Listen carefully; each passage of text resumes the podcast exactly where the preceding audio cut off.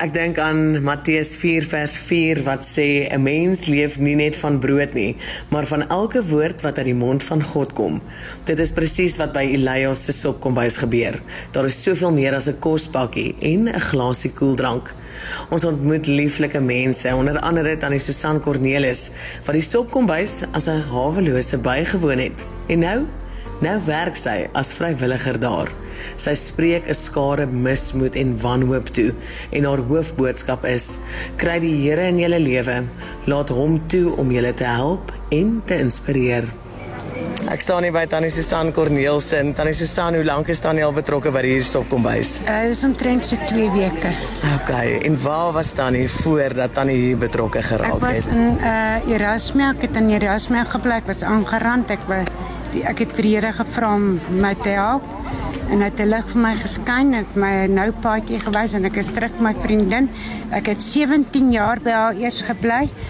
En my en ek en my man was 17 jaar getroud en hy's nou 4 jaar oorlede en ek is terug met my vriendin. Ek bly nou 4 jaar weer by haar. O, oh, Tannie, nou watter tipe uitdagings het Tannie in die gesig gestaar? Ek het baie uitdagings in die gesig gestaan. As dit te erg raak, gaan ek in my kamer en maak my deur toe, maak my Bybel oop, lees 'n stuk uit die Bybel, ek gaan op my knieë en bid en vra vir die Here om my te help. En hy het my lewe verander. Oh, wow. My lewe was hel geweest, maar nou by die stadium. Dankie Here dat ek vir jou kan lewe. Oh, wow. Nou Tannie Susan, wat sal Tannie vir iemand sê wat ook deur 'n soortgelyke uitdagings gaan, moontlik op straat bly, haweloos is, nie 'n heenkome het nie, nie 'n huis nie, nie 'n familie nie, nie vriende nie, nie die liefde van die Here tans ervaar I nie. mean- Wat wil Tannie sê? As hulle 'n Bybel het, moet die Bybel oopmaak en 'n stukkie lees uit die Bybel uit en nie vir die Here vra met trane in hulle oë. Here, help ons met 'n blyplek. As hulle dit nie nou kry nie, sal hulle miskien oor 2 of 3 of 4 maande kry, maar hulle gaan gelukkig wees. Oh, wow. En as hulle nie pensioen kry nie, hulle moet die Here vra om hulle te help. Hulle gaan 'n gaan pensioen aansoek doen en hulle gaan dit die volgende maand kry. Oh, nou hoe lank het Tannie na hierdie sopkombuis toe gekom voordat Tannie dan self hier begin werk het? jaar. Regtig. En hoekom was hierdie vir Tannie so betekenisvol? Die mense was vriendelik geweest. Ek het hulle vriendelik gegroet. Hulle het my vriendelik teruggegroet. As ek iets vra dan het ek dit gekry. Ons het klere gekry. Ek vra of hulle kan ons van die klere kry en hulle ja gaan vat weer van die klere. Ja, as jy kan alles vat, vat dit. Ek gesels nou met Christo Brits en hy is 'n vrywilliger hier aan die geestelike kant van die sopkombuis. Hallo Christo. Goed met jou. Goed, dankie. So Christo, wat behels jou betrokkeheid vandag hier by die sopkombuis? 'n Man by die sopkombuis s- doen ek enigiets wat nodig is om die mense te help om die kos voor te berei en reg te kry en dan doen ons 'n geestelike gedeelte wat ons met mense gaan praat en vir hulle bid soos nodig en dan op die einde van die dag bring ons 'n kort boodskapie. Ons bid saam en dan ontvang hulle die kos en beweeg uit. So Christo, maar dis nou vir my interessant, watter tipe boodskap gee jy vir die mense wat hier aankom? Uh wat die Here op jou hart lê. Dit klink dit is ja. ja. die stereotype maar dit is presies soos dit werk. Wow. Partymal is dit bemoedigend, partymal is dit ehm um, opbouend. Dit hang regtig af wat die Here op jou hart lê want hy weet wat die mense nodig het. Die Verseker. Here is wat ons weet. Nou Christo, wat sal jy sê is die rede, die hoofrede hoekom mense op straat eindig?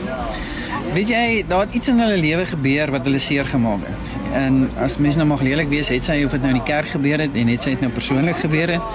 Uh mense kry seer en dan voel hulle partymal verwerp self deur die Here.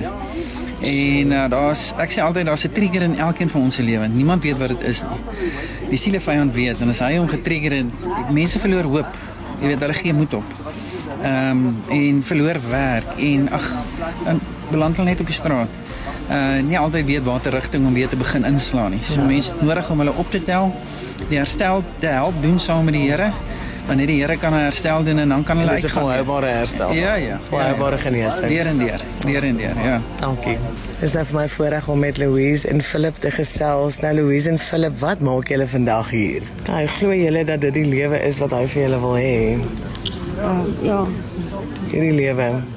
Nee, ek glo hy wil vir ons hy wil vir ons hy wil uh, vir ons 'n beter lewe hê, maar dit is up to us om om daarby uit te kom.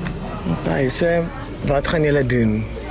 Ons ons ry alles wat ons kan. Uh, uh, uh, uh, soek uh, werk en sulke dinge, maar wat uiters uiters uiters uh, skaars is. Okay. okay, dit is ook nie vir dit is ook nie vir dis ook nie vir koning nie, maar ons ons doen wat ons kan. Ek gesels nou met oom Jakes en tannie Marie Jacobs en hulle woon tans by Janie Labeskagni saam met sy vrou Hailey. Nou oom Jakes, wat maak julle vandag hier? Wat is tans julle omstandighede by die huis? Wel, ons kan nie soos lewe swak nie, ons die Here voorsien nog elke dag. Ons hy voorsien nog elke dag. Ons is nou nie, hoe kan ek sê, luxury nie, maar hy voorsien. Oh, oh.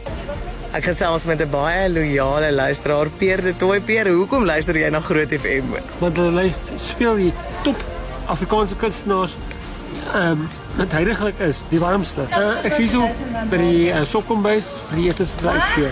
Dit help altyd. Okay, okay Peer, nou waar woon jy tans? Ek bly tans in 'n Wendy agter in 'n jaar by uh, dan van 'n Southstar. Okay, okay. Peer, nou jy het vandag 'n das aan. Hoekom? Ek trek my elke dag so aan. Rara. Ja, casual smart. Sien my broek is opgerol. Oh. En, uh, en wat nie jy is 'n knoop bo het nie, daai golf en. Oh. En dis wonderlik. Jy lyk baie smart hoor. Casual smart. ja. Pier, glo jy dat die Here vir jou baie lief is? Ek is baie lief vir die Here. Is jy baie lief vir die Here? Pier, nou wat wou jy graag geword het as kind? Ek programmeerder. Ek is een. Rara. Ja, ek skryf self van apps en so maar my besigheid sukkel nou om op te kom met my rekenaar nou ook 'n bietjie nog geval. Oh, ja. Oh, Pierre, en wat sal jy vir iemand sê wat wat mismoedig is en voel die Here het hulle verwerp? Wat wil jy vandag vir hulle sê? Here sal altyd vir jou staan. Jy moet net aanhou en vashou. Mooi. En vasbyt. Dankie Pierre. Ja. Wat is jou grootste droom, Pierre? Om my besigheid besigheidsdroom te verwaarlik en my ek wil 'n uh, uh, reeks apps skryf, né? Wat basies die Bybel gaan wees. Wow. Maar Nie net die Eerste Testament, die Ou Testament nie, die Nuwe Testament ook. Ek vra vir almal dieselfde vrae en hulle antwoorde stem ook ooreen. Hulle almal sê met die grootste oortuiging hulle weet die Here is vir hulle lief, dat hy hulle nooit sal verlaat nie, dat hulle weet hierdie is nie die lewe wat hy vir hulle wil hê nie. Hulle weet dit alles. Hulle weet net nie hoe om hier uit te kom nie. Die skare sit nog vir 'n rukkie onder die bome op die Nederduitse Hervormde Kerk Daspoort se terrein en probeer alles waaraan hulle pas herinner is in te neem. Hulle vaar weer terug na hulle omstandighede toe met die hoop om eendag aan die ander kant van hierdie sopkombuis te staan. Mag ons mekaar aanhou herinner aan die waarheid sodat daar uiteindelik nie plek is vir die leuen van minderwaardigheid, hopeloosheid en verwerping om ooit te manifesteer nie.